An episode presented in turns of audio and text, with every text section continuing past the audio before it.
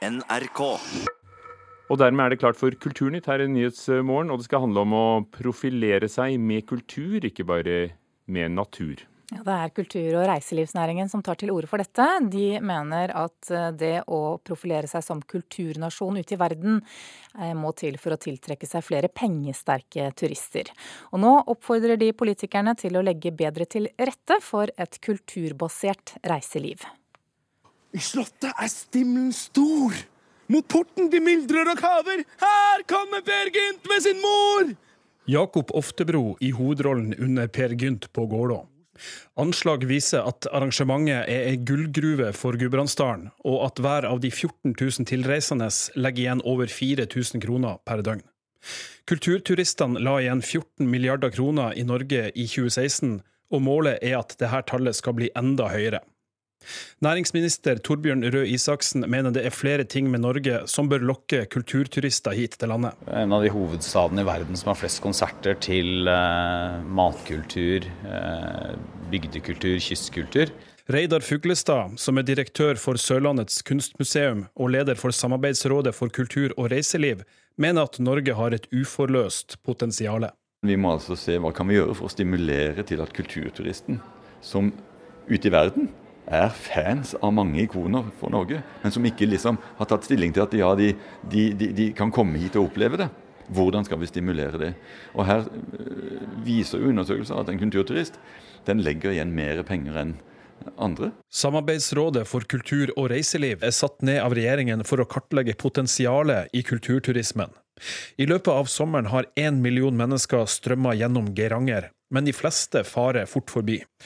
Direktør ved Hotell Union, Monja Mjelva, ser for seg å bytte ut en god del av cruiseturistene med litt færre kulturturister, som legger igjen mer penger i kassa. Den søker ikke bare et kort besøk, det, det som vi på reiseliv sier 'reason to go', men 'reason to stay and spend'. Eh, og at kulturturisten er en sånn typisk turist som vil bli værende, og gjerne over flere dager, og, og oppleve uh, kulturlivet og naturen i kombinasjon. Men for å gjøre kultur attraktivt å investere i, bes politikerne om å endre flere lover og regler. F.eks.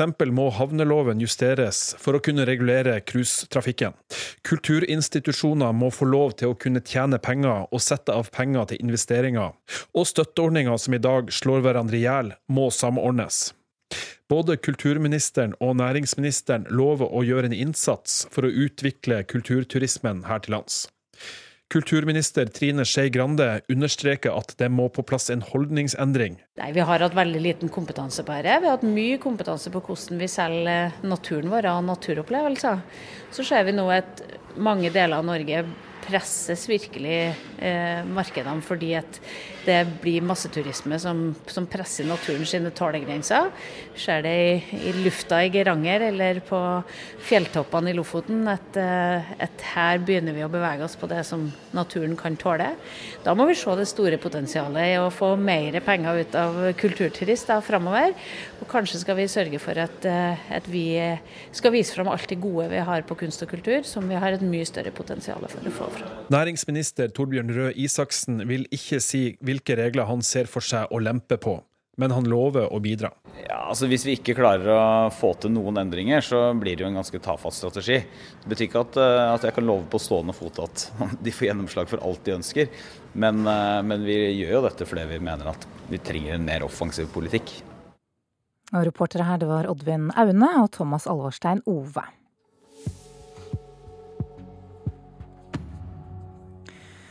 Så til en eh, sak som få av oss kommer til å glemme, nemlig drapene på to små jenter i Baneheia i Kristiansand i mai 2000. I fjor ga forfatter Bjørn Olav Jahr ut bok om saken. Nå er han også tildelt 150 000 kroner i støtte til en dokumentarserie. Bjørn Olav Jahr, velkommen til Nyhetsmorgen. Tusen takk for det. Hva slags eh, serie skal det bli? Ja, altså Nå er vi jo i en veldig tidlig fase, og det er eh, produksjonsselskap som har fått støtte til utvikling eh, fra Filmkraft, som man selvfølgelig er eh, veldig glad for. hva slags serie det blir altså det er, Dette er jo en, dette er en sak som har rystet svært mange, og, og hvor det er noen ubesvarte spørsmål her, da. Uh, og jeg tenker at det er veldig viktig å få disse belyst. Um, så ja, jeg tror det blir en svært viktig serie. Mm. For Undertittelen på boken din som kom ut i fjor høst, det er altså to historier, én sannhet. Hvilken historie er det du skal fortelle? Eh, nei, altså, Vårt ønske er å fortelle hele historien. Eh, det gjør jeg for så vidt også i boken. Altså, sånn, det, var jo, det, var jo, Tidlig i denne saken her, så, jo, så ble disse to guttene arrestert, Jan Helge Andersen og Viggo Kristiansen. Eh, og ganske raskt så begynner Jan Helge Andersen å prate og fortelle at det var Viggo Kristiansen som var hovedmannen. Eh, dette er en historie han har blitt trodd på hele veien, eh, mens Viggo Kristiansen har jo hele tiden nektet for at han har hatt noen befatning med denne saken. Og Det var det som trigget meg da jeg gikk løs på saken. Hva om det er Viggo Kristiansen som snakker sant, og ikke Jan Helge Andersen? Og Da er det jo viktig å gå inn i bevisbildet i saken. og, og Sånn som jeg ser det, så er det jo ingenting som peker i Viggo Kristiansens retning. Tvert imot. Ja, For du er overbevist om at han er uskyldig? Ja, altså sånn, Dette har jeg veldig grundig gått gjennom i boken også, men han har jo han har det man vil kalle et utelukkelsesbevis. Han er et annet sted mens drapene pågår. altså Dette har man bevist gjennom mobiltrafikken hans. Eh, så, og, og, det finnes kun DNA fra én person, nemlig Jan Helge Andersen. Så, så, det eneste man sitter igjen med, det er Jan Helge Andersens forklaring. Mm. Eh, men det, det, som, det, som, fascinerer, er hvordan dette her kan være mulig. da. Eh, og så er det ikke sikkert at alle er like overbevist ja, Selvfølgelig er ikke alle like overbevist som meg om, om, dette her, men, eh, men det er viktig å, å, fortelle en historie om hvordan dette her kan gå til. da. Mm. For noen av de tingene som du legger vekt på i boken, det er jo, og som du da mener beviser, eller i hvert fall viser at Viggo Kristiansen er uskyldig, det er jo ting som både politiet og domstolen har sett bort fra. Ikke sant? Ja, altså det, det som skjedde i den saken er at jeg tror at alle er så sikre på at han skal være skyldig. Og jeg tror også at det, det som skjer i en sånn type så, Den er så grusom, den saken. Så når man endelig får et svar, eh, så, så, er man veldig glad for å få et svar. Eh, og så er det to streker under det. Eh, så jeg tenker at dette her er jo en sak som handler i veldig stor grad om rettssikkerheten. Hva slags rettssikkerhet har et individ hvis, hvis alle er på en måte sikre på at du er skyldig, da. Mm. Også, men, men samtidig, så, samtidig så legger du da, du da hele skylden på noen andre? Uh, ja, altså det er, det er ingen tvil om at Jan Helge Andersen har, uh, har, vært i Baneheia og at han har drept. Altså Det finnes hans DNA på jentene, og det finnes kjønnshår som er funnet på åstedet fra ham. Og han har også kommet med en fullgod forklaring på i hvert fall hans tilstedeværelse. Mm, men, du, men, du, legger da hele skylda på han? Eh, ja, så altså, det handler jo også om rettssikkerhet? Ja, det kan man, det kan man jo si. Og så vil jo dette her Dette er jo en sak som Det som, det som gjør dette også veldig spennende å kunne gå inn i, er jo at det er jo en pågående sak. Denne saken er jo igjen begjært gjenopptatt fra Viggo Kristiansens side. Eh, aldri har gjenopptakelseskommisjonen brukt så lang tid som det de har brukt nå, og de undersøker bl.a. DNA, og de gjør nok andre undersøkelser også. Og det, Ettersom jeg forstår, så skal det fatte en avgjørelse i oktober. Eh, og det blir jo svært spennende. Mm. Skal ikke gå så mye mer inn i selve det som skjedde og bevisene. Du har også gitt ut eh, denne boken i fjor høst. Hvilke reaksjoner har du fått på den?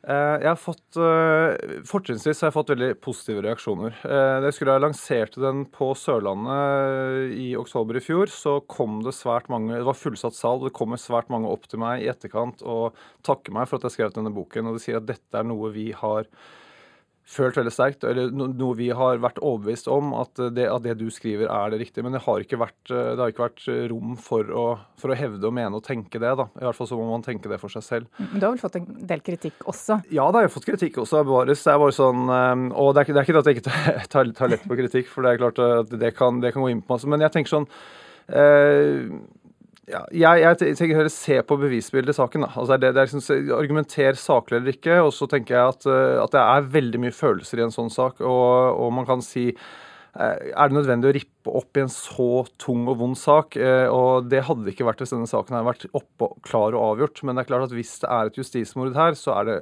all grunn til å rippe opp i det. Mm, men egner det seg som true crime?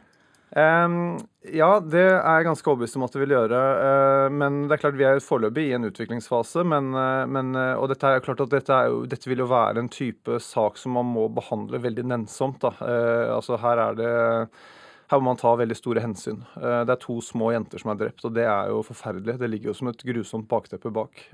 Men det er det er nok rettssikkerheten som er, eh, som er eh, aller viktigst å belyse. Mm. Jeg må bare snakke litt om Jan Helge Andersen eh, også. Han har altså avvist disse påstandene i boken din. Får han komme til orde i denne dokumentaren? Eh, altså, nå, vi, er, vi, er, veldig tidlig i en fase, så vi, har, vi, er, vi ønsker å prate med alle. Eh, så hvis Jan Helge Andersen har lyst til å prate med oss, så svært gjerne. Mm. Men hva er målet, da? Er det at saken, Målet med dokumentaren er det at saken til Viggo Kristiansen kan bli tatt opp på nytt? Eh, nei, altså jeg tenker at det, er, det, den, det går sin egen gang. altså Det er det Gjenopptakelseskommisjonen som, som, styrer med. og, og jeg er ganske overbevist om at de kommer til å ta opp den igjen nå ganske snart. Så, så det vil jo aktualisere en dokumentar i enda større grad.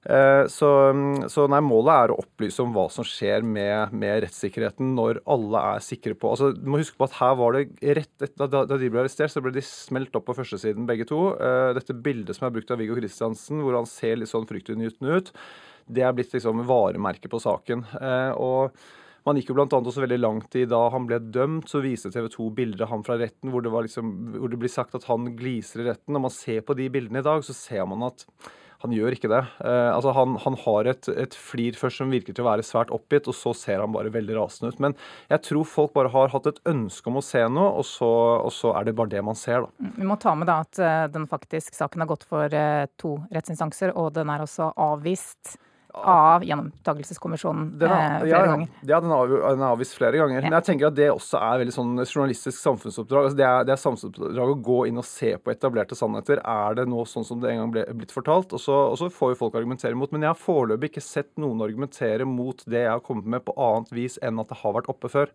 At det har vært gjennom noen instanser. Men da kan man jo la være å bedrive journalistikk hvis man skal slå seg til ro med det. Du, Helt på tampen, i kveld så er det premiere på TV-serien, en annen TV-serie som også er True Crime, som heter Hvem drepte Birgitte om drapet på Birgitte Tengs. Hva kan du si om den? Eh, det er, jo, det er jo en bok jeg skrev eh, i 2015, høsten 2015. Eh, som nå, som nå vi har jobbet med, jobbet med, et par måneder etter det, så har vi jobbet med en TV-dokumentarserie som da nå endelig kommer på luften. Og det har vært svært fascinerende og gitt meg mange aha-opplevelser også. Jeg tror jeg vil gjøre det for seerne også. Mm. Og det er også premiere i kveld. Takk skal du ha, Bjørn Olav Jahr.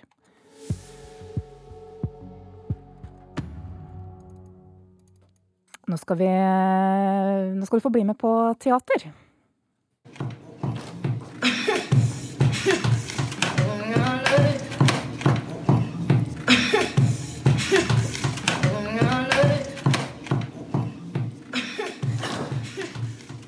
Jeg når jeg hører lydene dine. Ser på klokka. 03.32. Jeg blir liggende med lukka øyne. Jeg vet at jeg ikke trenger å gå inn til det. Det er rett frustrerte lyder. Det er bare um, uregelmessige bølger av lyd som varierer både i styrke og lengde. Ja, Vi hører fra starten av stykket Tung tids tale, som Riksteatret i samarbeid med Det Norske Teatret og Kilden Teater frakter til spillesteder fra Kristiansand til Namsos denne høsten. Urpremieren eh, var i helgen, og der var du, teaterkritiker her i NRK, Karen Frøsland Nystøyl. Romanen Tung tids tale av Olaug Nilsen fikk svært gode kritikker da den kom i fjor. Er dette her like vellykket som teater?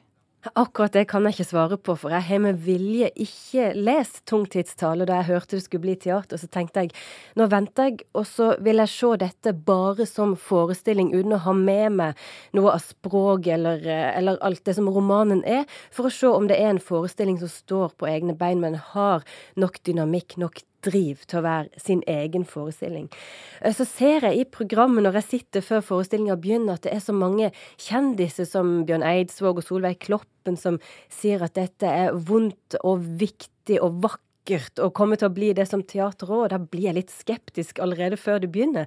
For jeg tenker, hvorfor må de hente denne autoriteten utenifra? Trenger stykket egentlig det? Men eh, du spurte om det var vellykka. Eh, det er en veldig fin forestilling. En forestilling som berører mange. Det hører jeg. Folk sitter og gråter. Det er sterke scener. Men som teater så syns jeg det er eh, som et bord med tre bein som burde hatt fire. Det er en eller annen sånn dynamikk eller dimensjon som mangler. Det er ikke helt organisk som teater, sjøl om det er både sterkt og berørende. Men hva handler det om? Det handler om Olaug, som er mor til Daniel på ni som har regressiv autisme. Om hennes kamp eh, for å være ei god mor, kamp mot systemet, kamp for å få hjelp. Og alt det, alt det her. En, en, en forestilling òg mot prestasjonssamfunnet. Det er politisk, og det er jo veldig personlig, som vi veit, og gjenkjennelig og engasjerende. Marit Moum Aune har regien, og fire skuespillere står på scenen. Hvordan er rollefordelingen her? Der spiller alle, både Olaug og Daniel, og bytter på. Eh, Daniel ser vi ved at han har rosa hørselvern, og veldig ofte spilles med ryggen til. Det er et veldig sterkt virkemiddel. Um, det som er fint med at de bytter på Olaug-rollen, f.eks., det er at Olaug, karakteren Olaug kan gå i dialog med seg sjøl. Vi hører hennes tankeprosesser når det er flere Olaug på scenen samtidig, og vi forstår mer av den kampen som denne karakteren har stått i. Så formmessig er dette svært vellykka. Scenografisk er det en liten boks på scenen med ei bratt, bratt trapp i. Det er veldig fint gjort, for man forstår ut fra bruken av denne boksen at det er ikke noe hvile å være i denne situasjonen i livet. Du sa du ikke hadde lest eh, boken. Fikk du lyst da, til å lese boken etter å ha sett forestillingen? Jeg har alltid hatt lyst til å lese denne boka, så den lå i leselista mi, og så bare venta jeg litt. Og nå, nå, kjenner jeg at jeg gleder meg jo til å gå i gang. Selv om jeg ikke helt syns at det lander som forestilling, så ser jeg jo at det er, er sterke scener. Jeg hører at det er et godt språk der, som kanskje er enda bedre som litteratur enn som teater. Så jeg, jeg skal lese bok, det er helt klart.